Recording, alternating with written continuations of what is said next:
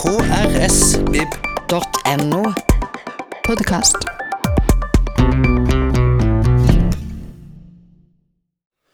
Hei, og velkommen igjen til ny podkast fra Kristiansand folkebibliotek. Eh, Jeg sitter her da på en søndag rett før jul i studio sammen med Karoline Gabrielsen fra Vennesla bibliotek. Velkommen skal du være. Tusen takk. Har også med Tina Øyna fra Tangen videregående skole, skolebiblioteket der. Velkommen. Takk, takk. Aller først, Karoline, hvorfor er vi her? Du skjønner det at eh, i februar i 2018 så var jeg en tur i London. Og så var jeg innom en eh, fantastisk bokhandel som heter Hatchards, hvis ikke jeg tar helt feil. Nydelig bokhandel som er flere hundre år gammel. Og der kom jeg over en bok som var svart og hvit og rød, med et fjes på, som jeg bare måtte ha. Visste ikke helt egentlig hva slags bok det var, jeg bare måtte ha den. Og så viste det seg at det var en biografi om Mary Shelley, forfatteren bak Frankenstein som var skrevet i prosa, nydelig illustrert av forfatteren. Og da innså jeg at eh, jøss, det er jo 200 år siden Frankenstein ble gitt ut.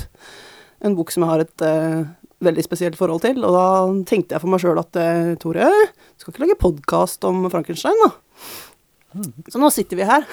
Nå sitter vi her. Du fikk det som du ville. ja. Eh, Frankenstein, 200 år. Mm. Det er, det er en gammel bok. ja. 200 år gammel. Ja, men altså det, Ja. Sist vi var samla, så hadde vi jo altså, Harry Potter. Det var 20 år siden. Det føltes jo ganske lenge. så det er jo ti ganger den. eh, altså, det er jo 200 år. Eh, er den boka fortsatt aktuell, selv om den er 200 år? Den er i hvert fall veldig aktuell akkurat i år, for nå føler jeg at den dukker opp overalt. Men eh, jeg vil jo si at eh, uten å gå inn på plottet for mye, så har den til tider veldig aktuell i dag, for den handler jo om vitenskap. Og hva som er greit og ikke greit å gjøre i forbindelse med vitenskap. Uh, og også i forhold til f.eks. religion. Hva er etisk riktig å gjøre? Hva skal mennesket ha lov til og ikke lov til å gjøre i forbindelse med vitenskap? Og det var uh, aktuelt for 200 år siden, og det er fortsatt aktuelt i dag. Mm. Ja, For det er egentlig en science fiction-roman?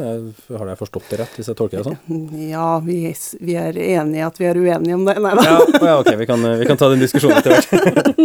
vi må kanskje, men vi, vi, må kanskje, altså, vi må kanskje snakke litt om selve boka. Altså, hva, hva handler boka om? Egentlig. Ja, For den har jo blitt, eh, sånn som mange andre ting, så har det blitt forvanska opp gjennom årene. og Det har blitt mange filmer. det har jo vært, eh, vi har, Jeg har i hvert fall et ganske klart bilde av eh, Boris Karloff, ikke sant, med, med sømmer overalt og sånn bolt i halsen. Det er ikke sikkert han hadde det, eller han, men, eh, men det er sånn typisk sånn uh, klisjébilde, liksom. du ser Frankenstein, så er den kanskje til og med grønn, ikke sant. Mm. Ja, de fleste tenker et monster med, som er grønn i huden og noen bolter og noen sømmer og sånt når du sier navnet Frankenstein, men dette er jo navnet på forskeren som skaper dette monsteret. Viktor Frankenstein. Monsteret har jo faktisk ikke noe navn i det hele tatt. Eh, utrolig nok. Og jeg tror der uh, forvirringa begynner litt, fordi at det, det vesenet som er så ikonisk, det har ikke noe navn. Det blir omtalt som Frankensteins monster, og det er kanskje for langt å si. Og da syns folk det er bare greit å si Frankenstein, men da begynner forvirringa, for det er jo ikke navnet på monsteret i det hele tatt. Mm. Victor Frankenstein er da en uh, vitenskapsmann, eller en, er vel egentlig en student. Uh, naturvitenskapsstudent, ikke sant? Ja. Mm. Som kommer fra Sveits, var det som var Ja. saken, og bosetter seg da i Tyskland for å studere, og kommer det over masse spennende teorier om eh, ja, masse okkulte teorier som man begynner å prøve å se om det går an å sette ut i livet. Mm. Um, og da prøve å sette sammen og skape et levende vesen ut av noe som i utgangspunktet er dødt. Mm.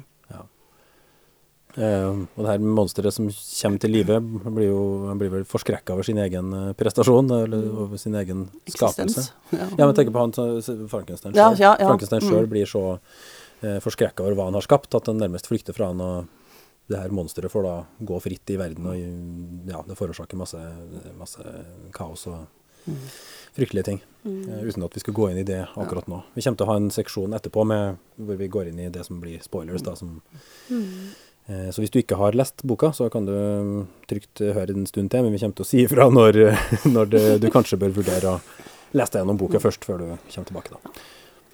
Det vi kan si, er jo at ting går ikke helt etter planen for Viktor Frankenstein når Mm. han begynner å tukle med naturen.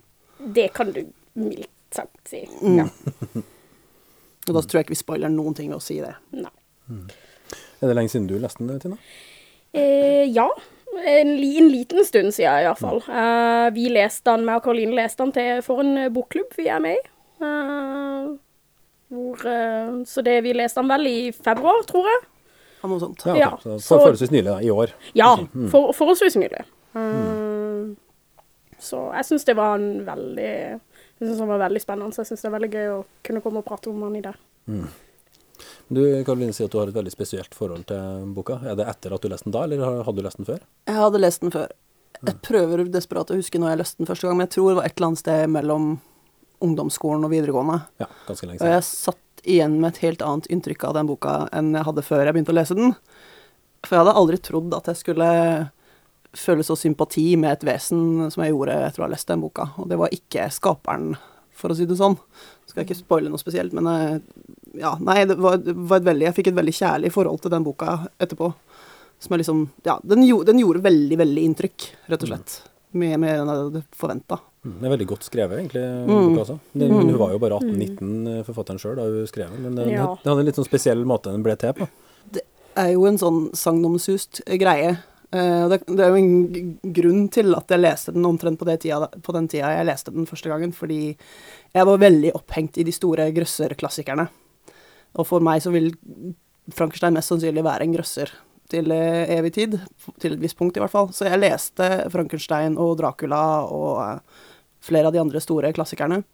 Og i forbindelse med Frankenstein så dukker jo historien hvor den kom ifra, eh, opp. Og da er det da denne sagnomsuste regnfulle natta ved Genévesjøen, hvor det sitter to poeter, en poetspire og en lege, som kjeder livet av seg. Fordi at det regner, så de kan ikke gå ut i, i denne vakre landskapet. Så bestemmer da en av disse seg for å utfordre de andre til en grøsser- eller spøkelseshistoriekonkurranse. Denne som utfordrer, er da lord Byron.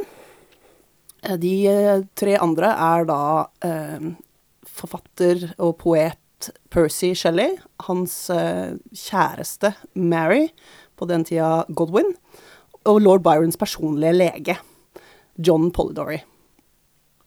Alle fire setter i gang med å skrive på hver sin historie. To av de fullfører.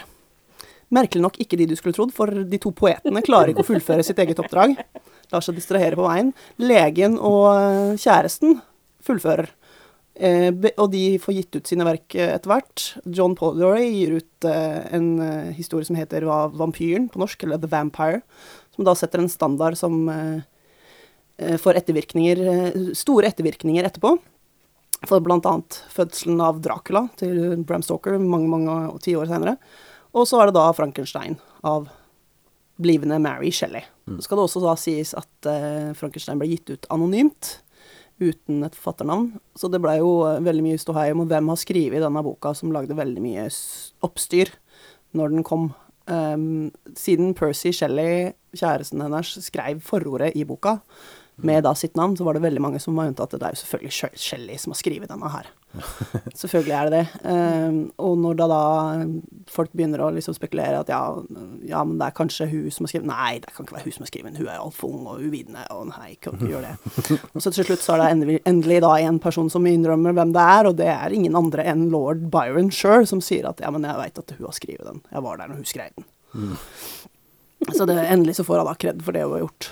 Er det noen spesiell grunn til at du skulle gi ut anonymt? Altså, er, det, er det det gamle problemet med kvinner å, å stikke, stikke frem hodet offentlig, liksom? Ja, det var vel litt det. Og så var det jo også det at det var jo et ganske Han var jo en ganske kontroversiell bok i forhold til det det tok opp, så jeg mener Det var vel en del det at ja, hun er kvinne, men det var også det at du kommer i hvert fall ikke til å få den gitt ut hvis du er kvinne, og du skriver om dette emnet. Hva er det som gjør det så kontroversielt? Snakker, det er jo, han, handler om en mann som bruker vitenskap og leker Gud. Det er ganske mm. intenst for eh, begynnelsen av 1800-tallet.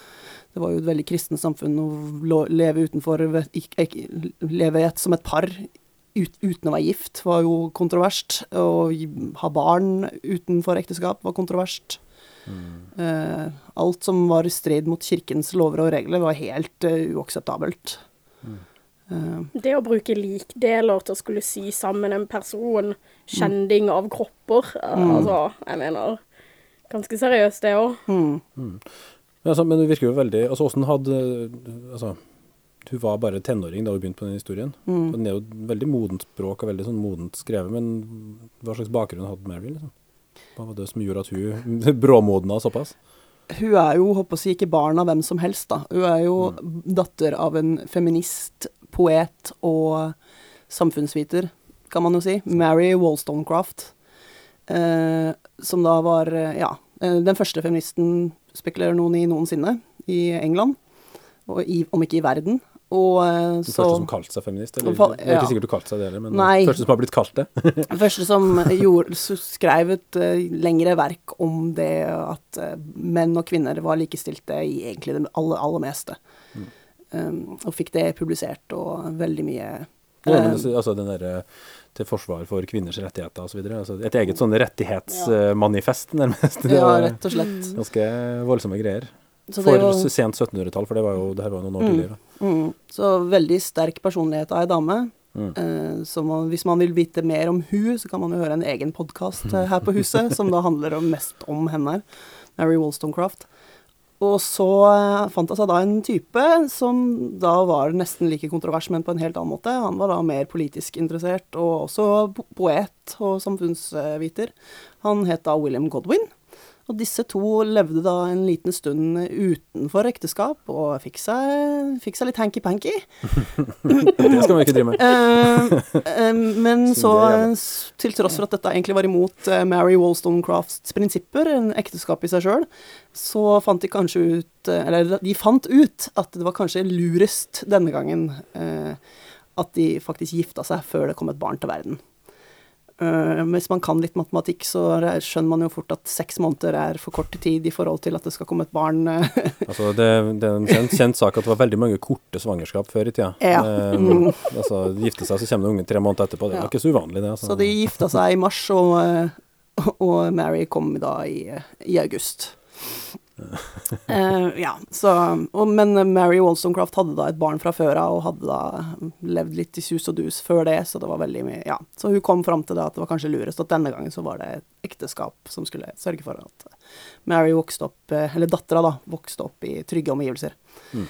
Så synd da at uh, ti dager etter fødselen så døde Mary Wollstonecraft etter, etter fødselen, da. Mm. Så Mary, stakkar, måtte våkne, vokse opp uten mor. Det var litt Ja. synd. I skyggen av en mor, og uten men uten at mora var til stede. Det er Ja. sånn, sånn spøkelse som bare liksom Det må, må ha kasta noen skygger over livet hennes på en eller annen måte, vil jeg tro. Ja. På flere måter. Tror, tror det er veldig positivt da at hun hadde såpass mye skriftlige verker å kunne fordype seg i etter hvert, som eh, fortalte om hvordan mora mente at ting burde være i verden, og, og sånt. En veldig, veldig sterk dame. Eh, det ironiske er jo at hun fikk en stemor som var fullstendig motsatt. Eh, som da var veldig skjønte ikke hva damer skulle med utdannelse og sånn. Sånn, det var et stikk motsatt fra det, der hun kom fra, som det går an å komme. Jeg, personlig så skjønner jeg jo ikke hvordan eh, William Godwin kunne klare å finne seg en så merkelig kone etter at han hadde vært så forelska i Mary Wollstonecraft. Han ville vel prøve noe annet, da, tydeligvis. Litt for tydelig. Så, så mens eh, Mary Shelley gikk rundt og hadde liksom den herre eh, nesten idealiserte mora som hun sjøl kanskje føler at du har tatt livet av gjennom, født, gjennom å bli Mm. født av, Ja. og så dør hun rett etterpå, så skal hun samtidig ha en stemor som står for det motsatte av det mora står for, Ja. som, må, som hun faktisk må forholde seg til hver dag. Ja. Det må være et utrolig paradoks å vokse opp under. Ja, Stakkar, altså. Eh, Så hun fikk da Hun hadde da en halvsøster som da kom fra et tidligere parforhold som mora hadde hatt, eh, og to, nei, to stesøsken som da kom med hun stemora. Mm. Um, Så det er egentlig vanskelig Sånn eh, veldig moderne familieforhold, egentlig. Egentlig veldig Mine og moderne dine og våre barn og sånn. Ja. Ja, Mine, mine dine, våre barn. Eh, og så vidt jeg forsto, så har også mm, han Godwin, faren hennes, var en veldig åpen og ærlig person, men til tider da også veldig motsatt av eh, sine egne prinsipper. Eh, han var ikke noe god med penger, han var stadig i gjeld. Eh, han hadde jo da funnet seg denne kona som var stikk motsatt av alt han sto for tidligere. Og så um, ga han ut uh, en biografi om Mary Wollstonecraft etter hennes død, hvor han da forteller hva slags person hun var, eh, fra hans ståsted. La ikke fingeren imellom noen ting. Sa at hun hadde hatt tidligere forhold, sa hun hadde barn utenfor ekteskap, alt mulig rart.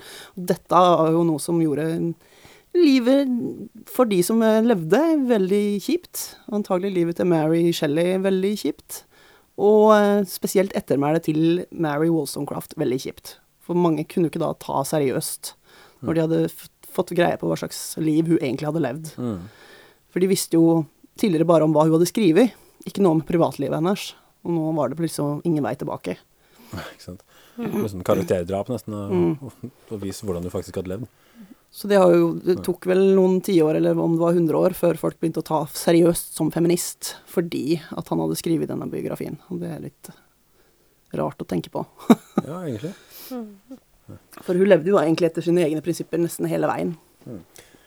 Men altså, dattera har jo levd da tydeligvis i et sånt kunstnermiljø. Altså det, du nevner både Byron og Shelley. Altså det er jo eh, For det er jo noen poeter som på en måte står foran de andre når du regner engelsk romantikk, og Byron og Shelley er jo blant de fire-fem første man nevner, så det er jo ganske sånn midt i sentrum av en sånn litterær bevegelse, egentlig. da.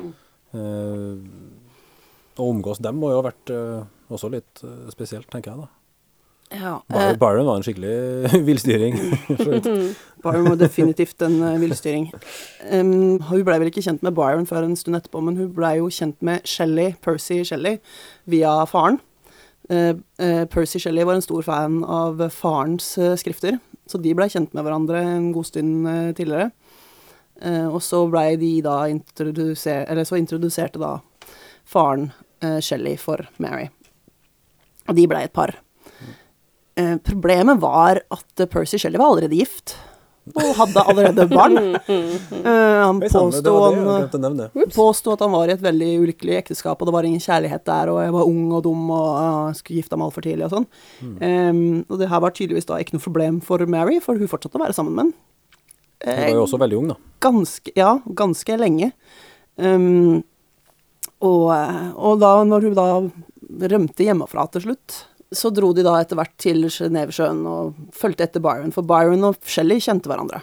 Gamle buddies. Men, men hun rømte faktisk hjemmefra? Så, så når, hjem, da hun var ved Genévesjøen, så var, var hun rett og slett en rømling? Eller Da sånn, var hun en rømling. Stukket av hjemmefra? Eh, Stykket fra, fra mor, nei, jo, stemor og far. Eh, far var ikke spesielt fornøyd med det her.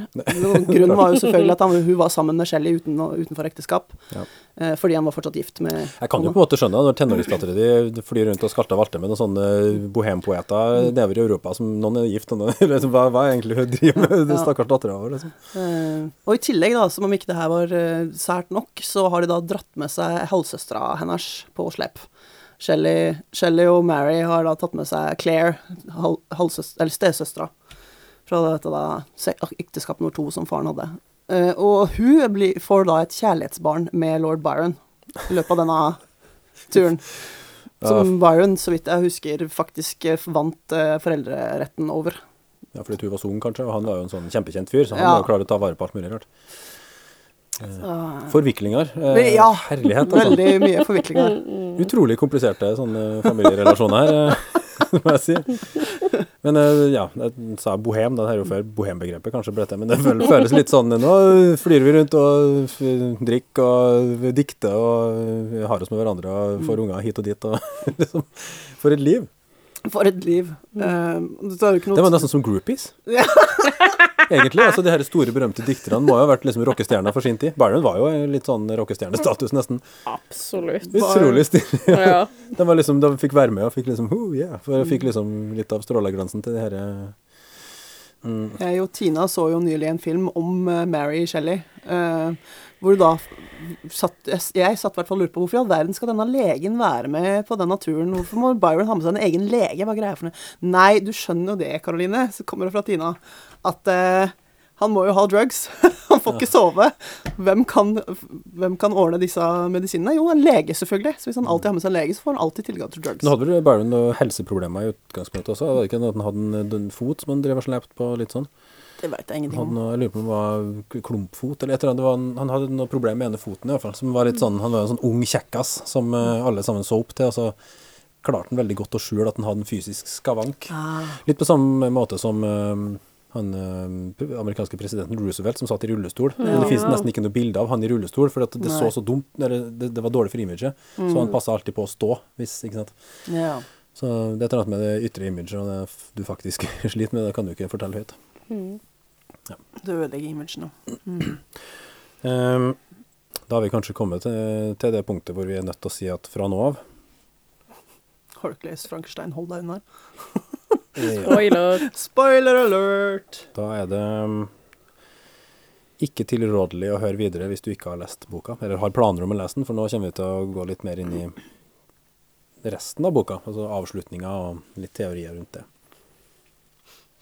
For hva skjer egentlig videre i boka? Altså, det er vel en scene hvor uh, han våkner på natta etter å ha skapt det her monsteret sitt, og blir vekt av at monsteret står ved fotenden av senga og ser på han. Og så blir han så forskrekka av eh, sin egen eh, skapelse at han bare flykter stedet. Og når han kommer tilbake igjen sammen med en kompis, litt sånn uh, småforsiktig 'Jeg kan jo ikke stikke til stedet ditt, da.' Eh, 'Ja, mulig at eh, Ja, jeg skal Jeg må bare opp først og eh, sjekke nå.' Så er da han monsteret stukket av for lengst. Um, og det som forundrer meg, er jo litt at han ikke den, 'Å ja, ja, han er borte. Ja ja, så greit, da.' det er ikke så mye mer eh, Slipper vi å tenke på det. Ja. ikke så veldig ansvarsfull. Ja, så bra. Um, men eh, selv om han ikke nødvendigvis eh, Altså, han har jo litt dårlig eh, samvittighet, selvfølgelig, og mye føleri rundt det, hvor fælt han syns det. At han har lagd det her ut fra ingenting, og hva, hva tenkte han på og sånn. Så driver du monsteret og har en eksistens som er litt spesiell. For han, Dr. Frankenstein reiser vel til slutt tilbake til familien sin i Sveits. Og i mellomtida så har da hans monster levd eh, i skjul, fordi en innser at det er jo ingen som liker meg, for at jeg er jo så stor og skummel. Eh, og folk er redd for meg, og jeg kan jo ikke snakke, jeg kan ikke noen ting, ikke sant. Eh, vanskelig å gjøre seg eh, forstått. Så han driver og observerer en sånn, hva vi kan kalle en bondefamilie nærmest, eh, på litt avstand, hjelper dem uten at de vet det.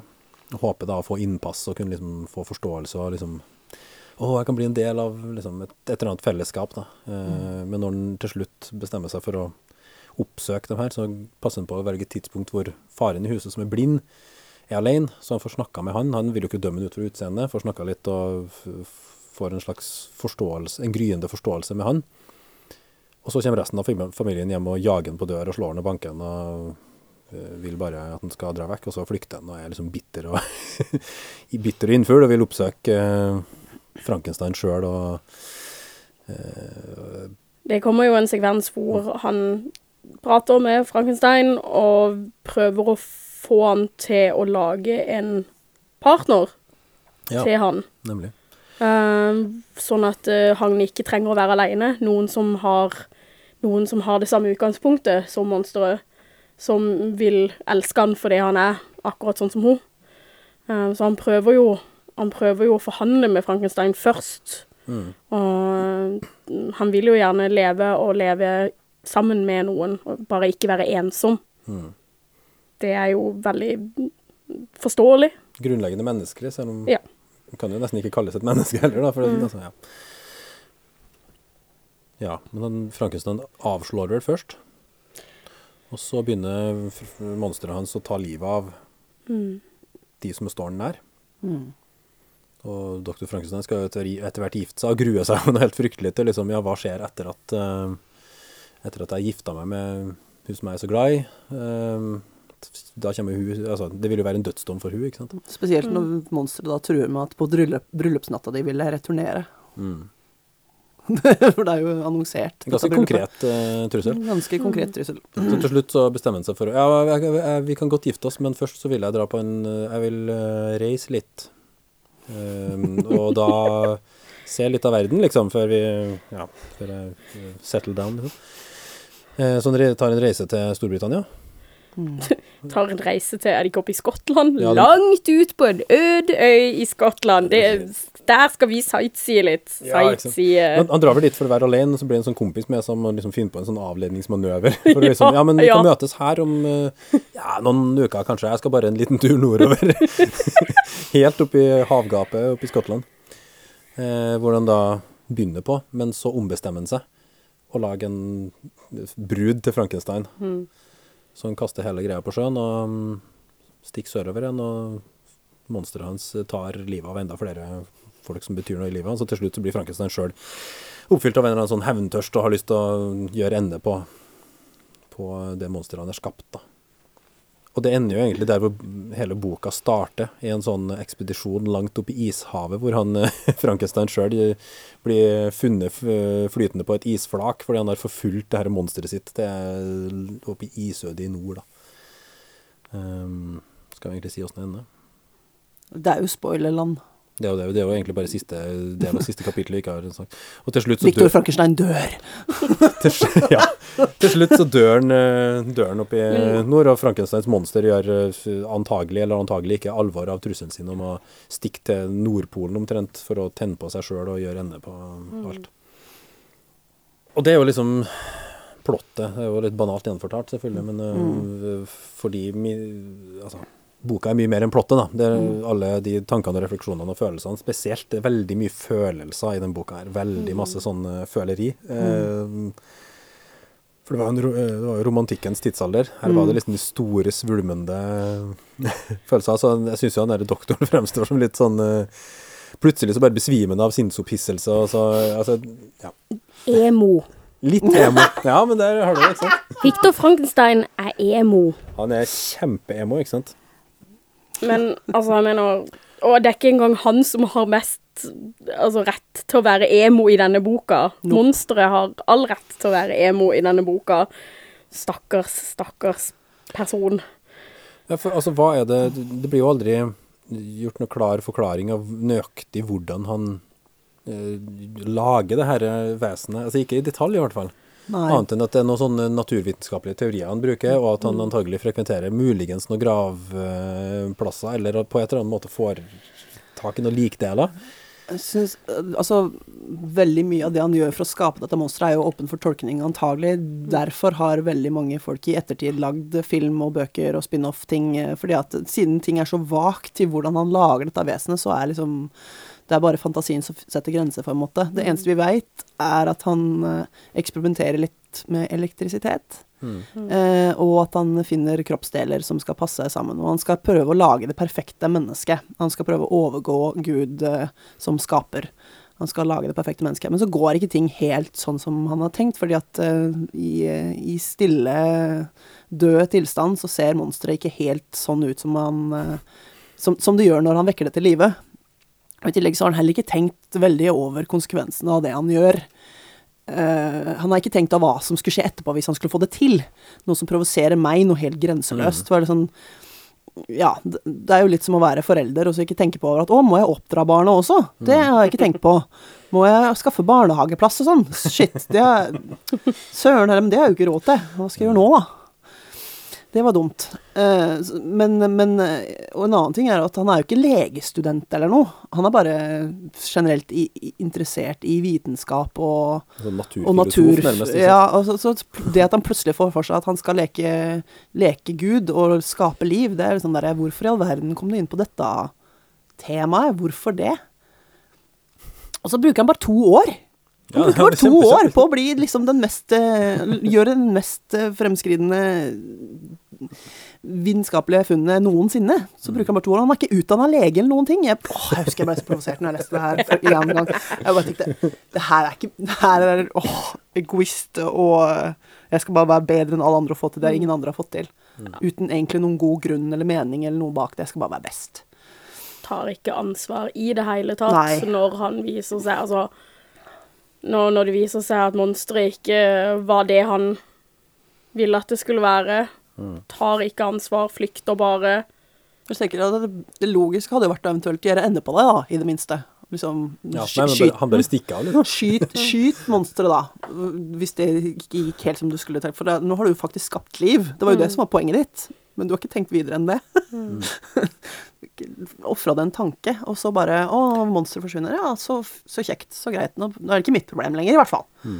Men eh, da kommer vi egentlig mm, litt inn på den herre mm, eh, hva som gjør det til en skrekkfortelling eh, VS hva som gjør det til en eh, science fiction-fortelling. For det er jo elementer av begge. altså du har jo, Det blir skapt et monster som bokstavelig talt hjemsøker, eller som i alle fall gjør livet til skaperen eh, helt motbydelig. Og som kan dukke opp når som helst. og Det er noen scener hvor den liksom ser gjennom vinduet. Ikke? Det er helt sånn en sånn som følger etter den uansett hvor den er. ikke sant? Som den aldri blir kvitt. da. Aldri får rista av seg. Og Det er liksom skrekkdelen, men samtidig så eh, Det at han skaper det her monsteret på vitenskapelig vis, er jo det som gjør det til en science fiction-fortelling. Altså, det blir iallfall forsøksvis forklart at han bruker din vitenskapelige nyvinninger til å på en måte lage, noen, lage liv der det ikke var liv. Så det er jo litt eh, begge deler. Men du, Karoline, mener at du, du føler mer at det er en skrekkhistorie? er det sånn? Ja.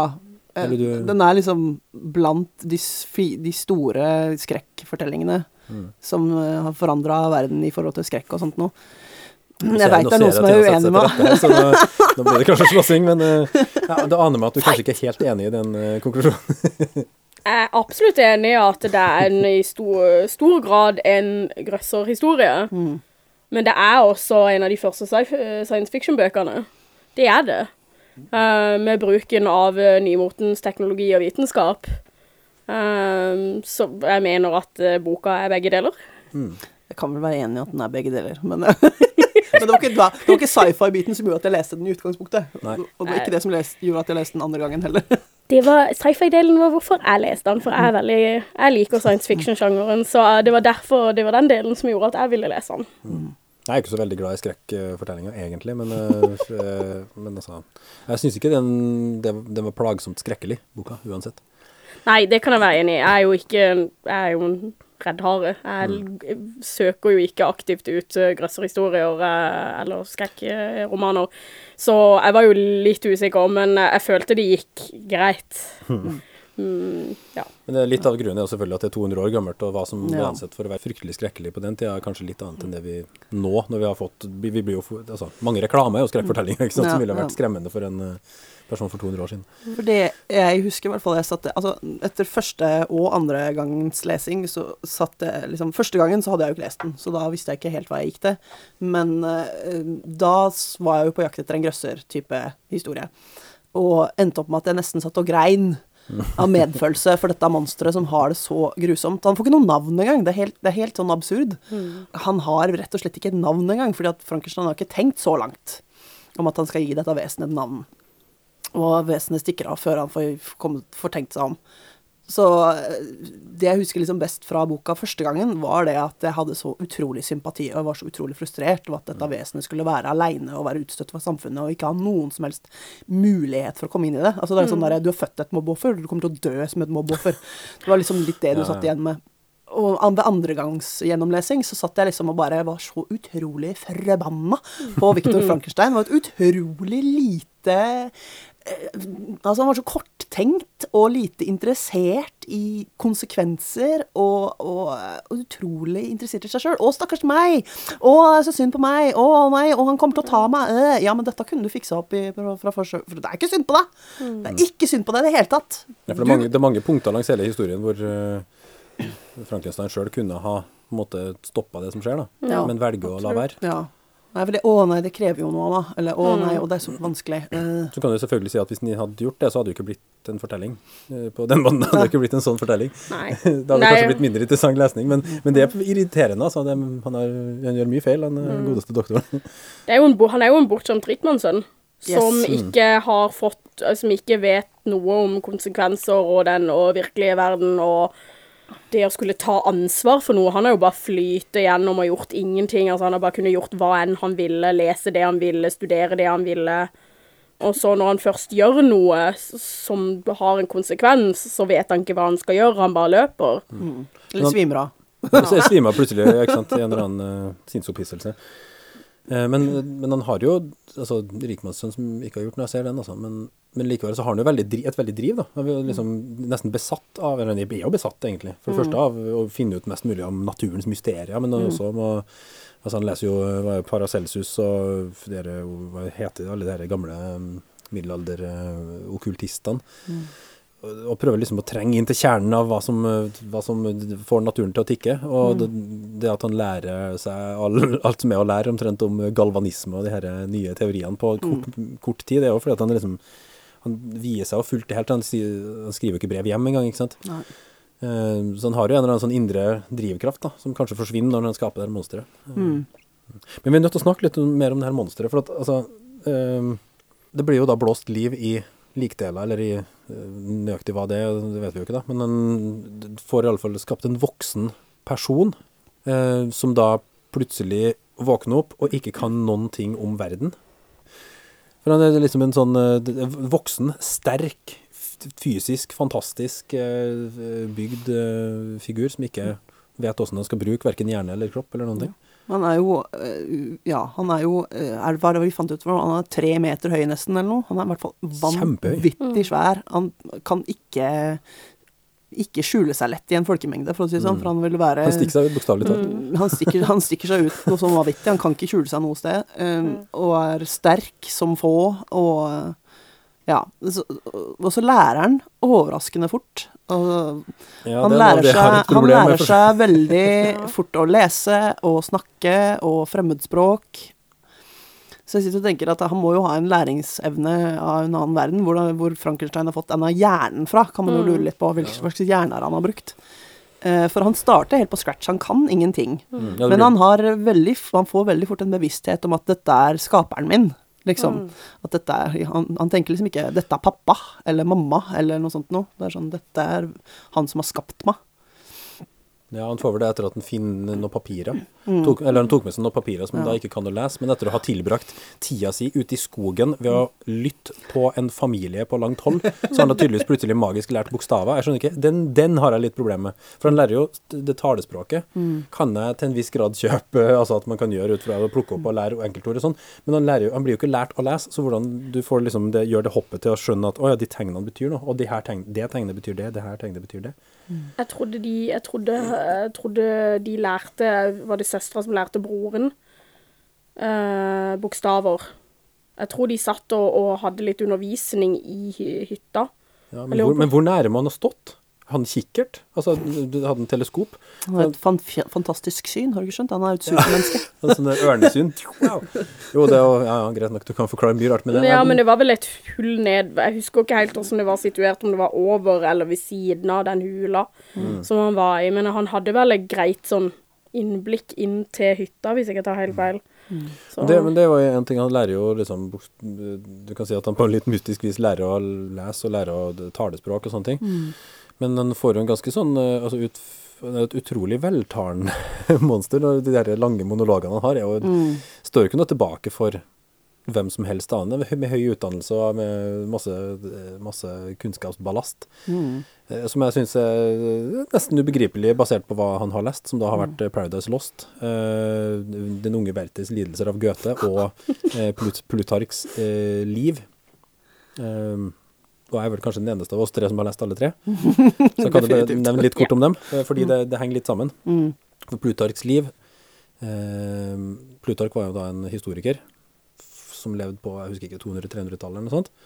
Og det han gjør, er at han tar for seg en historisk figur fra gresk æra og en historisk figur fra romersk æra, så sammenligner dem. Og det gjør han for person etter person, så det er vel en sånn 20 bøker eller noe sånt hvor han, hvor han gjør det her. ikke sant? Sammenligner Cæsar og Alexander den store igjen, sant?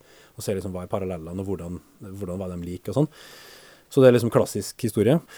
Paradise Lost er en historie som forteller som, um, altså Det er et dikt av John Milton, skrevet jeg husker ikke, 1750-tallet, tror jeg, uh, som følger Satan. Hovedpersonen er Satan, som altså Det forteller jo om historien hvordan han falt eh, fra det høye og ble liksom eh, Lucifer, den her falne engel osv. Men Satan sjøl tror at han er likestilt med Gud, og oppdager i løpet av fortellinga at men Gud skapte deg, så du står under han. Eh, Så din vilje er heller ikke din egen, det er Gud som har en plan med livet ditt og har lagd eh, alt ut fra den planen.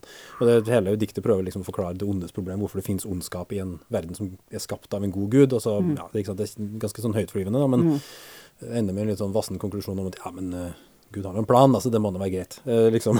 men, men den satanfiguren er litt interessant, fordi at litt på samme måte som Frankensteins monster, så oppdager han at skaperen har makt over han. Ja. Ikke sant? Så derfor, det, er sikkert, eh, det, blir en sånn parallell at den Ja. kommer, til Victor eh, Frankenstein og sier kan du være så snill å lage en kone til meg? Det hadde vært fint. Nei, jeg vil ikke det. Jeg kan ikke gjøre noe med det her! Skulle ønske jeg hadde mer makt. Jeg har ikke det. Jeg kan iallfall gjøre livet ditt surt. Og den tredje, den der Unge Bertes lidelser, den eh, skrev av Goethe. Jeg husker ikke nøyaktig når den kom, 1810-tallet eller noe sånt. Det, og det er jo en sånn, det har blitt skrevet som en sånn selvmordsroman, nærmest. Det er jo en, en ung følger en ung eh, mann som, eh, med veldig store, høytflyvende romantiske følelser, som til slutt begår selvmord. Det forårsaker en sånn selvmordsbølge i Europa for at alle sammen vil gjøre sånn som han. Og det, Jeg ser egentlig en parallell til den også i, i Frankenstein-boka, fordi at slutten av Frankenstein blir nesten en sånn konkurranse mellom Victor og monsteret hans om liksom hvem som har lidd mest. Ja. Ja. Og det, det er en sånn Ja, men det er, ingen mennesker har noensinne lidd sånn som jeg har lidd. Ja, men ingen mennesker har lidd sånn som jeg har lidd. Du vet, ingen kan forstå hvordan jeg har det. Ikke sant? Og der har du jo der emo Jeg er mest emo. Nei, jeg er mest emo. Det blir sånn Du er så emo som meg. Ja. Aldri fantes så emo som meg. Ja. Ja, ikke sant. Den ene ender med å dø av uh, Å være emo? Uten, ja, dø av ut... Victor dø- Victor dør av, dør, av, dør av utmattelse, men han monsteret vil jo bare dø, vil, begår jo selvmord. Eller vi vet jo ikke, da, men han, antagelig. ikke sant? Han vil også begå selvmord, sånn som Werther. Og det er jo litt sånn interessant hvordan de, de bøkene han leser, på en måte påvirker, påvirker livsanskuelsen hans. da. Mm. Det syns jeg er litt spennende. da. Ja, men det gir jo mening, det. Det, det er ikke noe tvil om at eh, godeste Mary Shelley må jo også ha lest disse verkene og blitt påvirka av dem. Ja. Helt sikkert. Altså, Og hun, så de som har lest disse bøkene først, og så leser Frankenstein, vil antagelig se parallellene, mens jeg og Tina som ikke har lest den, vi, vi skjønner, skjønner det jo ikke før nå. At eh, uh, Ah, ja, Interessant. Den enkleste er jo den Werther-boka. Den er jo den letteste å lese. Den er sånn, ja, men den er den er jeg mest skeptisk til. ja, men det er ikke sånn at du Det, det, det var den jeg var sånn det er, det er ikke sånn at du leser når du har lyst til å begå selvmord. Det er mer at du leser den og tenker 'herregud'. altså, har, som alle de som har skrevet emopoesi da de var tenåring, så er det veldig gøy å gå tilbake og lese og tenke Nei, men herregud, da. ja, malla, ikke sant. Går det an? For det handler jo om en sånn, egentlig en litt sånn uh, vassen sjel. Enda en sånn, «Åh, det er så, Har det så vondt, har det så vondt inni meg. Å, alt er så vondt. Ikke sant. Ja. En del ting som eh, Mary Shelley sjøl ikke kunne vite, er jo de her eh, Altså, du snakker jo om hjerne. Hvor kommer hjernen fra? Altså, Ja. Man må jo anta at hvis du transporterer en hjerne, så er jo ikke det en ubrukt hjerne. Det er ikke sånn at du finner liksom en sånn eh, Brains R Us-butikk i nærheten og bare kjøper en ubrukt hjerne. Du må, du må jo ikke sant? Det er i så fall veldig interessant. Men Eh, Mary Shelley ville ikke ha visst det antagelig, for det er jo sånn som har dukka opp med psykologiteori, altså at tankene ligger i hodet, ikke i hjertet og bla, bla. Men uh, Det er derfor det er så altså Jeg regner med det er derfor det er så mye muligheter for tolkning. fordi at Mm. akkurat det med hvordan dette vesenet kommer, blir til, er veldig diffust. Det er fryktelig diffust. Mm. hva han faktisk gjør for å blåse liv i dette vesenet, hva han gjør for han får delene fra oss alt sammen. Så det er sånn Det veit vi ikke helt hva han gjør. Det er det vi har adaptasjoner og spin-offs og filmer og sånt noe til. For, for det er der man kommer med Ja, men det er, det er dette som er grunnen til dette, og det er derfor han blei sånn, og bla, bla, bla. Sånn som i eh, Ja, det er filmatisering, da, men eh, med den legendariske Boris Karloff, så har det jo liksom grunnen til at han er, har morderiske tendenser, er jo selvfølgelig fordi at de eh, tok feil hjerne.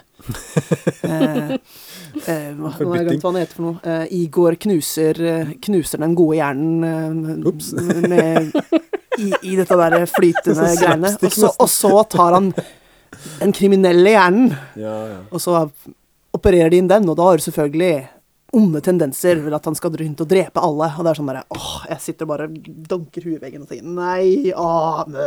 Av det så lærer vi at du ikke skal ha en personlig assistent som heter Igor.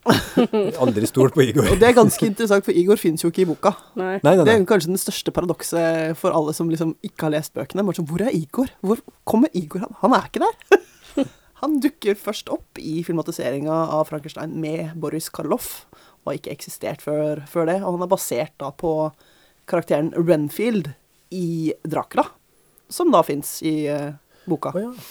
Fordi han var jo en sånn gal type assistent til Dracula. Så da filmbransjen hadde jo filmatisert Dracula og tenkte at «Hæ, det er jo kult om Frankenstein også hadde en sånn der sidekick med pukkelrygg og sånn greier. Ja. Så Igor har jo blitt udødeliggjort av denne filmen. Men ja, han har ingenting i boka å gjøre. Ja, Da har du egentlig tråkka rett uti det. Nå, Ja. må vi, nå må vi snakke om filmatiseringen. Ja. For det er- den har blitt filma mange ganger. Det var litt overraskende å finne ut at den, det finnes noen filmatiseringer fra 1910-tallet allerede. Mm. Noen sånne skikkelig tidlige stumfilmer som eh, som jeg ikke hadde visst om i det hele tatt. At Mm. eh, den Karloff-filmatiseringen var på ingen måte den første, og Nei. i hvert fall ikke den siste. Nei. Eh, men altså, har du, jeg har sett her og der, jeg tror ikke, jeg, nesten så er jeg usikker på om jeg har sett en eneste hel Frankenstein-film. Men jeg, jeg har Jeg, jeg antar det er noen som har sett Ikke sant? Men eh, Karoline, du har jo sett uh, flere Frankenstein-filmatiseringer enn det antagelig fins, vil jeg tro. Eh, Jeg har ikke sett på langt nær alle. hvis det er sikkert mange jeg ikke har sett. Uh, men dere så jo det her, eh, en Frankenstein-relatert film sammen, den der Mm. Mary Shelley. Ja. Eh, Det kom en uh, ny film om Mary Shelley i fjor. Mm. Som jeg så, som dere har her på Kristiansand Folkebibliotek. Så jeg var sånn Å, den må vi jo se! Mm. Så gøy! Eh, og vi syns den var ganske bra.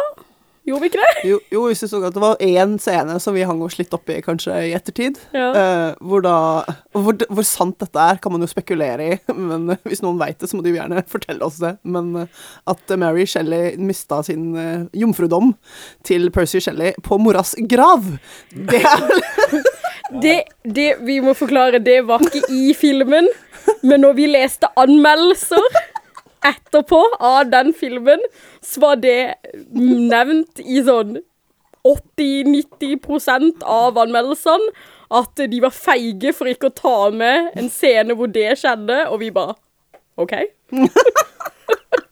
Ja, for vi får ikke se det. Vi får bare, de, dra, de drar til kirkegården, og hun vil gjerne vise Shelly dette stedet hvor hun ofte henger. Og tydeligvis mer enn bare grava. ja. Så det er liksom det vi sitter igjen med. Nei da. Det er jo én måte Nei. å konfrontere sin, eh, det spøkelset som henger over deg av din mor. Ta den, mutter'n! Men, eh, men ja, det var en veldig fin film. Og så fant Ja. vi også ut at eh, John Polidori, altså legen til, til eh, lord Byron, hadde et litt eh, mer sammensveisa forhold til Mary Shelley enn det vi var klar over. Ja. Eh, Til det tidspunktet vi var sånn der Dropp Shelly! Jeg, jeg var i hvert fall det var sånn Dropp Shelly! Polidori er obviously bedre for deg. ja. Det var sånn typ, plutselig sånn der Twilight moment. Var sånn der, det var sånn Team, team Shelley og Team Polidori, og plutselig satt eh, både jeg og Tina og heia på Team Polidori. Ja. Ble veldig skuffa at det ble jo ikke noe av. Ja, de hadde filmen i hvert fall mye mer til felles enn Og igjen, de var jo de eneste som faktisk gadd å sette seg ned og skrive noe. Mm. Og de hadde samme problem. Begge to ga ut ting som da var utgangspunktet til dette spøkelseshistorie-greia. Og så er det ingen av de som får kred for å ha skrevet det. Nei. For eh, historien til John Polidori eh, blir da først antatt for å være lord Byrons verk. Noe det ikke er i det hele tatt. Eh, og alle tror jo at det er eh, Percy Shelley som har skrevet Frankenstein, og det har han jo heller ikke gjort. Så de har det samme problemet, begge to. Og men det var en veldig fin eh, film, så hvis du vil lære litt om eh, Mary Shelley på en, eh, et par timer, så, så absolutt anbefale den filmen. Men eh, de forskjellige filmatiseringene altså Du snakker om Igor, selvfølgelig, men hele, og det hele der er jo gal vitenskapsmann-greie. altså Du kan jo på mange måter si at eh, Victor Frankenstein i boka også er en gal vitenskapsmann, men han er ikke kanskje på den måten som vi er vant til å se i film. Da. Han er ikke It's Alive, It's Alive-gal, eh, som er da antagelig den mest siterte eh, uttalelsen fra Victor Frankenstein i, i filmhistorien. I hvert fall. It's alive! It's alive! It's alive! It's alive! Ja, det er fra da den uh, Boris Karloff-greia. Og på samme måte som han aldri sier det i boka, så sier jeg aldri Sherlock Holmes elementært med kjære Watson i bøkene heller. Mm, true, så, true. Sånn typisk sånn scener eh, verket har påvirka Mm. oppfattelsen vår. Men, eh, men du får jo en idé om ved å lese boka at eh, han blir mer og mer skrudd, den mannen. Altså Viktor Frankenstein blir mer og mer gal. Han, har, han blir mer og mer oppslukt av dette, og han stenger folk ute, og han snakker ikke, han bader ikke, han mm. snakker ikke med folk, eh, spiser nesten ikke. Han er, han er helt Han er bare fokusert på dette, at han skal skape liv. Um, så, så det er ikke noe tvil om at, at eh, Mary Shelley skapte den gale vitenskapsmannen. Men selvfølgelig, når man skal gjøre noe om til film eller skuespill, så tar man det selvfølgelig hakket videre for å vise galskapen i sin helhet. Um, og det finnes jo så mange gale vitenskapsmenn i filmhistorien etterpå at uh, ja, de blir bare rarere og rarere. Ser bare rarere og rarere ut og finner på om rarere og rarere ting. Um, men, men utgangspunktet er jo da fra Frankenstein-boka. Men ja, jeg har sett mange rare filmatiseringer. Om- hvis vi skal prøve å holde oss til sånn håper jeg, tidlig i filmhistorien, og, og som har nesten noe med boka å gjøre. For den, den filmatiseringa jeg har sett av de eldste, det er den med Boris Karloff, der fikk de jo også en legendarisk oppfølger. 'Bride of Frankenstein'. Det tenkte jeg litt på da jeg leste boka, at det her eh, ja, Hvis ikke det hadde vært for at Frankenstein sjøl døde, så hadde det vært eh, helt utmerket uh, sequel til en bok også. Ik ikke sant. Eh, Men i, eh, i filmen da, så lager da Frankenstein, så vidt jeg husker, en, eh, en dame til monsteret. Problemet som ingen har tenkt på, er at det betyr jo ikke nødvendigvis at dama vil like dette monsteret som hun liksom skal bli spleisa sammen med. For hun er livredd. Sånn type så livredd at hun begår selvmord. Så det er jo et veldig dårlig utgangspunkt. Uff da. Han fikk det ikke så mye bedre av det, liksom. Nei, for hun er jo veldig, egentlig veldig pen. Hun og har jo et veldig sånt interessant utseende. Altså bare Google, hår. bare Google eh, 'Bride of Frankenstein', så skjønner du automatisk hva jeg mener for noe. Um, Men Ja. det er jo et interessant konsept. De har vel kanskje tenkt liksom hva som skjedde, ville skjedd videre i hvis, de faktisk hvis han Frankenstein faktisk lagde denne kvinnelige, øh, kvinnelige monsteret. Det er jo veldig godt mulig at det For monsteret er jo helt overbevist om at øh, ja, men det, denne personen kommer da til å elske meg, siden de da ser ut som meg. Men det er jo ikke nødvendigvis sikkert at det ville skjedd. du er ikke sikker til at du hadde kommet til å like meg, men hun hadde jo ikke hatt så mye valg, for hun hadde antagelig Nei, ja. blitt utstøtt fra samfunnet, sånn som alle andre. De hadde hatt det til felles, ikke sant. Ja, De hadde vært til felles at de var utskudd, så de hadde vært naturlig at de holdt sammen, i hvert fall. Og det, det er forresten, eh, altså, bare for å skyte inn, da. Det er jo, eh, Når eh, Frankenstein sjøl reiser til denne eh, gudsforlatte stranda langt oppe i Nord-Skottland, hvor, han, eh, hvor han får leid ett av de fire husene som er på den øde stranda, og setter opp laboratoriet sitt. Hvordan har han tenkt å lage et menneske ut fra Hva han har med seg? Altså, Han, han reiser jo alene. Han har ikke med seg en diger vogn full av likdeler. Han ikke, altså, hvis vi antar at han brukte deler av døde mennesker til å lage det første monsteret sitt, hvordan har han tenkt å lage nummer to? Har han tenkt å liksom gro frem noen sånne polypper i en lab som han tar og liksom klistrer sammen? Hva, gro frem noe kjøtt? Det går jo an i dag, men jeg tror ikke den tanken lå altså, Og plutselig så var han den eneste som bodde på denne stranda. ja, ikke sant? For det er jo ingen å ta av, ikke sant? Og den lille byen bare forsvant fra alle, alle beboerne. Bare, i litt, altså. alle, alle i dette lille tettstedet bare forsvant. Tettstedet var vel egentlig også nesten, nesten å ta i. Jeg, bryn, jeg begynte riktig, og så ble det feil. Alle de som på denne Landsby. stranda bare forsvant. Landsby. Den beskriver jo også at uh, ingen av dem som bor i de tre andre husene, er spesielt interessert i hva han driver med. Som jeg syns er helt merkelig, men uh, så, Å, det kom en annen fyr. Ja ja. Ikke nysgjerrig i det hele tatt. Nei, ja. Men det som jeg syns er interessant, for jeg, jeg, blander, jeg blander bok og filmer veldig mye fordi at jeg har lest boka to ganger, og så har jeg sett veldig mange filmatiseringer. Men det jeg syns er fascinerende i boka, er det med at han har ikke noe utgangs... Han har i utgangspunktet ingen grunn til å ville skape liv. I de fleste filmatiseringene så har han en grunn. Der er det noen som har dødd. Som han uh, har blitt veldig traumatisert over at han har mista. Enten det er en mor eller en bror eller et eller annet. Og så er det liksom der Det her skal aldri skje igjen. Eh, så liksom galskapen blir på en måte forklart med at eh, ja, men han har en grunn for å ville skape liv. Han vil uh, sørge for at ingen dør noensinne igjen. Er det kanskje for å skape et mer emosjonelt ankepunkt i begynnelsen, for det, det er jo ikke det er jo ikke noe du får i boka. Det er Nei. bare sånn Ja, nei, nå, dette skjer nå. Ja. Science is cool. Det er i hvert fall en stor forskjell fra bok og film, at han har gjerne et utgangspunkt i hvorfor. Så du får på en måte litt mer sympati med Frankenstein, eh, altså mannen, eh, som du da ikke får i boka nødvendigvis. Nei. For min del, i hvert fall. Eh, og så er det også noe med utgangspunktet for hva er det med dette monsteret? Hva er utgangspunktet til monsteret? Du har jo eh, versjoner hvor, hvor monsteret bare er interessert i å drepe folket og lage bråk. Sånn som da i Karloff-filmatiseringa. Fordi han har fått denne kriminelle hjernen, så har han jo ikke interesse, interesse av å gjøre noe annet. Eh, og i eh, Kenneth Branagh sin eh, versjon så er det jo det, det at eh, når forloveden, eller kona hans, dør, så prøver Victor Frankenstein å gjenopp, gjenopplive henne. Dessverre da uten helt den suksessen han håper på. Um, så, ja, det, det er veldig mange versjoner av historien, men det er ingen av de egentlig som holder seg så noenlunde tro til boka, for det er et eller annet som skjer eh, som ikke helt stemmer overens med boka. Men, det, men jeg har sett en TV-serie en gang hvor um, Donald Sutherland er med. Visstnok en tre timer lang TV-serie. Som er den nærmeste jeg har funnet, i hvert fall. hvor, uh, som holder seg som noenlunde til boka. Hvor ikke ting er altfor over the top, og ting er som noenlunde liksom, vitenskapelig og greit og interessant å se. Og den siste filmatiseringen jeg tror jeg har sett, det er jo egentlig ikke en filmatisering av boka i seg sjøl, men det er en slags eh, oppfølger til boka. Hvor du da følger monsteret etter, etter boka er ferdig, liksom. Eh, for det viser seg at eh, dette monsteret er udødelig. han kan ikke dø. Han har, Frankenstein har gjort en altfor god jobb med å lage dette nye vesenet, så han er udødelig. Søren. Og da handler det da om, eh, om, at det er noen som vil prøve å kopiere denne oppskrifta og vil lage flere supermennesker som aldri dør. Og nå snakker vi om at han dør ikke når du skyter den aldri så mange ganger, han dør bare aldri. Den heter I, Frankenstein. Så du kan liksom ta det i hvilken som helst retning du vil, da, siden Mary Shelley var så diffus i utgangspunktet. Og nå er jo den boka for så vidt også ute i det fri, så du kan stjele så mye du vil av den boka lage akkurat hva du vil av den. Og det har de gjort. eh, Det er det mange som gjør. Ja. Spesielt nå i år, selvfølgelig, siden det er 200-årsjubileum. Så jeg har lest i hvert fall tre bøker som er liksom basert på enten Mary Shelleys liv eller på boka Frankenstein.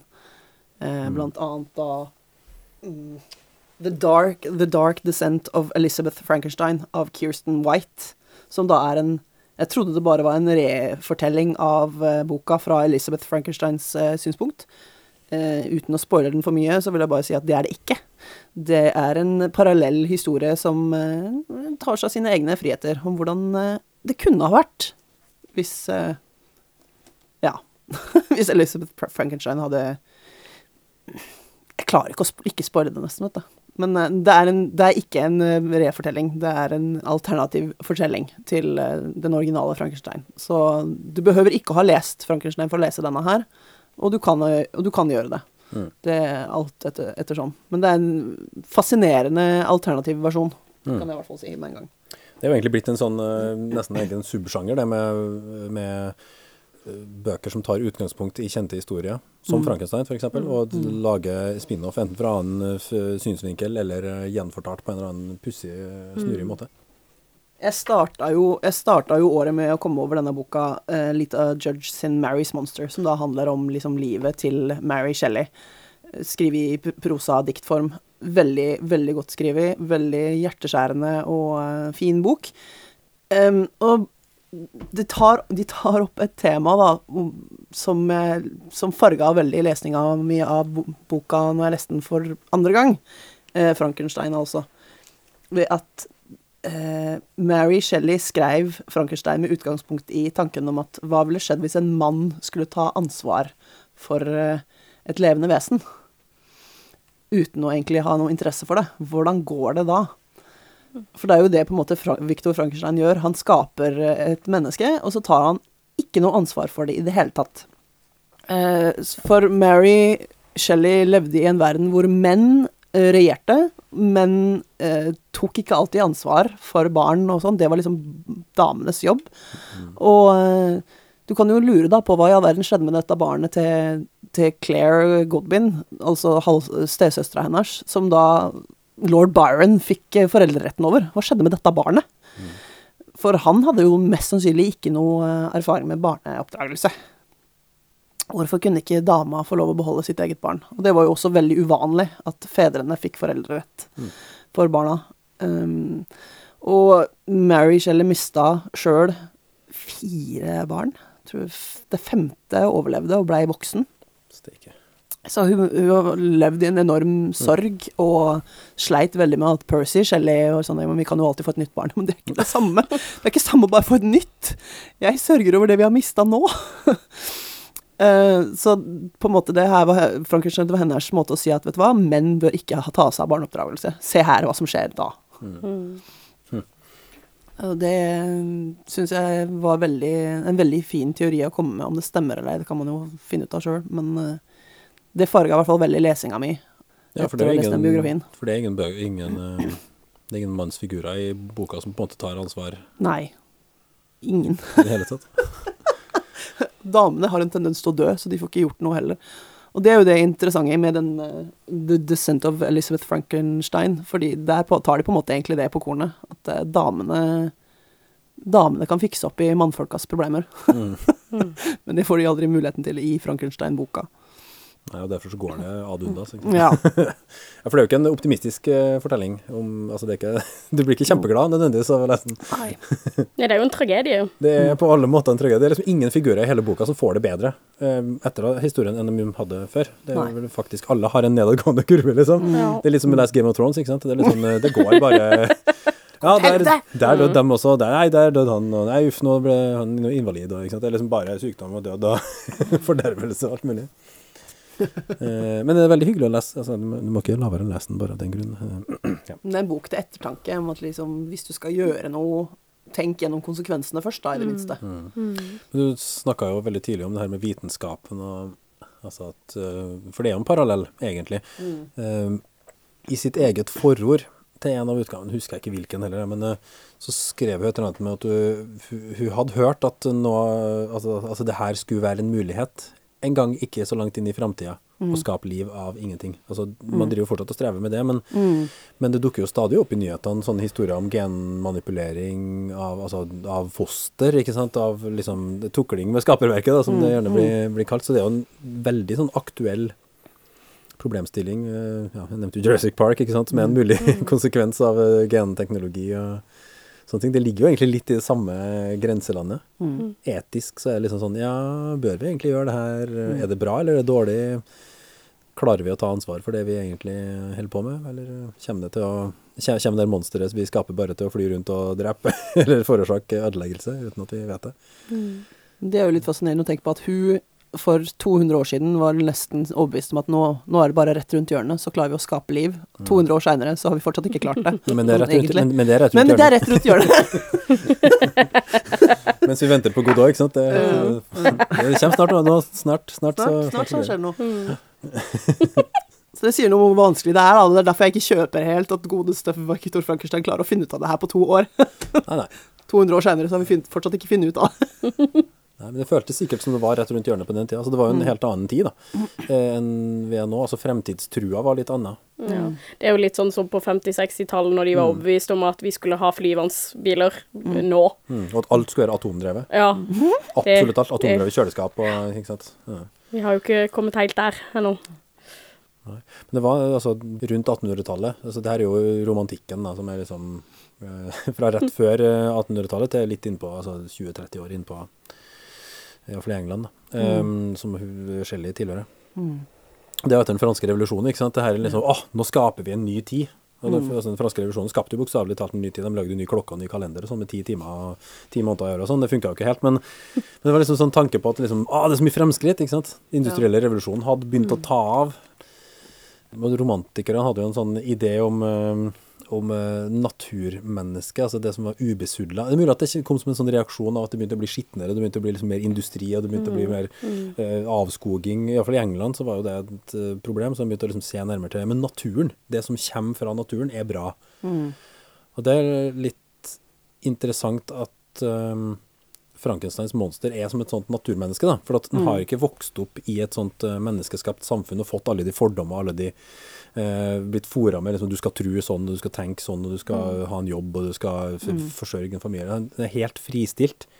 Så jeg ser for meg at eh, Mary Shelley så den for seg som en sånn eh, naturens egen skapning som faktisk er ute i naturen. For du kan ikke, Det er ingen mennesker som vil ha noe med den å gjøre, man må liksom lære seg ting på egen hånd. At det er liksom en mer naturlig ja, bokstavelig talt naturlig da, måte å leve på, som er sånn menneske før, eh, før eh, fallet, ikke sant. Og det er jo litt sånn parallellen, det er der den parallellen med barn kommer inn. da, at liksom Frankensteins monster er et barn som ikke er blitt besudla av noen. Ingen har fortalt han hvordan verden skal være, hvordan den burde være. Det eneste han har utgangspunkt i, som han har skjønt helt på egen hånd, er jo at han passer ikke inn. Uh, og alt annet må han på en måte lære seg på, på en måte sjøl. Det er jo ingen som forteller han noe. Han går ikke på skole. Han, eh, han får ikke noe oppdragelse, så han må finne ut av alt på egen hånd. Og det mest naturlige da er å gå det stedet hvor ingen andre dømmer han for noen ting, og det er ute i naturen. Ja, og alt en opplever av menneskelig interaksjon er jo negativt, ikke sant. ja. Alle møter med enkeltmennesker er jo, er jo dårlig for han, ikke sant. Det er jo ikke, han kommer jo ikke positivt ut av noen uh, interaksjoner. Enten så blir han utstøtt og banka opp, eller så tar han livet av noen, ikke sant. Det er eneste kontakten han har med mennesker. Eller så krangler han med eh, makkeren sin. Og det er jo på en måte det altså at han lærer at å drepe noen er eh, si, en uturlig må- altså forsvar, eller ja, altså Hvis alle møter meg med frykt, så da må jeg også møte andre med frykt. Hvis de møter meg med vold, så må jeg Det er tydeligvis sånn man gjør, da. Mm. Man møter folk med vold. For alle, for alle prøver å drepe meg, så da må jeg prøve å forsvare meg, da. Det interessante er at hvis, hvis Frankensteins monster hadde blitt skapt i dag, på ordentlig, Mm. så hadde det jo vært øh, Altså, ville jo anta at på et eller annet tidspunkt så ville han blitt fanga opp av et eller annet apparat. Og fått liksom øh, psykologhjelp og ville fått liksom blitt antagelig gjort et forsøk på liksom Må jo få han inn i samfunnet på en eller annen, en eller annen måte, ikke sant. Mm. Og han ville sikkert vært åpen for det, fordi at øh, Iallfall sånn som jeg oppfattet i boka, så er han veldig liksom opptatt av å være en del av noe, for liksom å bli inkludert og akseptert og sånne ting, men er liksom tvunget til å akk, akk være på utsida hele tida. Um, Eventuelt så ser jeg for meg at han hadde vært fanga i en lab og så eventuelt måttet rømme på et eller annet tidspunkt, fordi at Ja, folk hadde skulle teste og ordne og styre og ta blodprøver og et supermenneske. Mm, spennende. Ja, spennende. spennende. Lagd i et lage- laboratorium. Man kunne lage en, en hær av dem, så vil vi vinne. ikke sant? Ja. Så ser jeg for meg at det, det kunne faktisk vært en interessant eh, filmatisering som jeg tror ikke fins. Liksom Frank- Frankenstein nå. Mm. Den har jeg i hvert fall ikke fått med meg, så hvis det er noen som veit om det, så må jeg lytte og høre. For det hadde vært interessant. The modern, modern Prometheus. Ja, den vir virkelige Modern Prometheus. Ja, den filmen skulle jeg definitivt sett. Kult.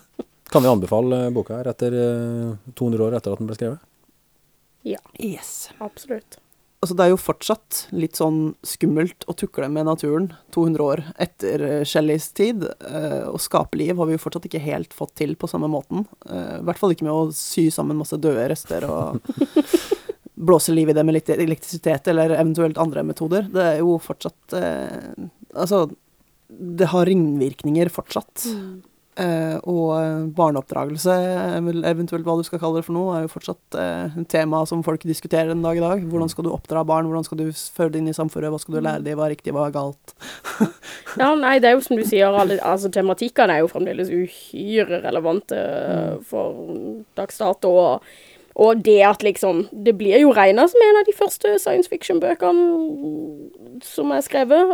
For den Altså, det var jo grunnen til at jeg ville lese den. Mm. Hvis man er interessert i å se liksom fødestedet, så bør man jo lese den, bare for å Bare for moro skyld. Jeg, jeg syns den var veldig kul. eh, veldig interessant. Um, mye å tygge på eh, etter man har lest den. Ja, jeg må si meg litt enig. Altså. Det er iallfall en utrolig mye mer um, tilfredsstillende lesning enn uh, det inntrykket jeg hadde på forhånd. Eh, hvor jeg kanskje hadde noen forventninger om hva slags bok det her kom til å være. Og så utfordra han og snudde litt om på det. Det, ble, det er veldig spennende å lese liksom alle de betraktningene og alle de filosoferingene egentlig rundt, eh, rundt det som skjer i boka. Da, som, og, som også er veldig godt skrevet og gjør at det blir liksom en, en det er egentlig en fryd å lese det 200 år etter at den kom ut. Mm. Gratulerer med dagen, eh, Frankenstein. Litt seint, men dog. Og med det tror jeg faktisk vi setter strek. Tusen takk for at du kom og snakka om Frankenstein. Tusen takk. Takk. Komme og nerde. Det var gøy.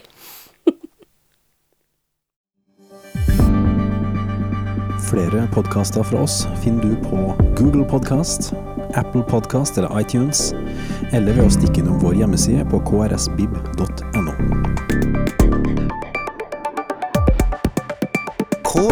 krsbib.no. Podkast.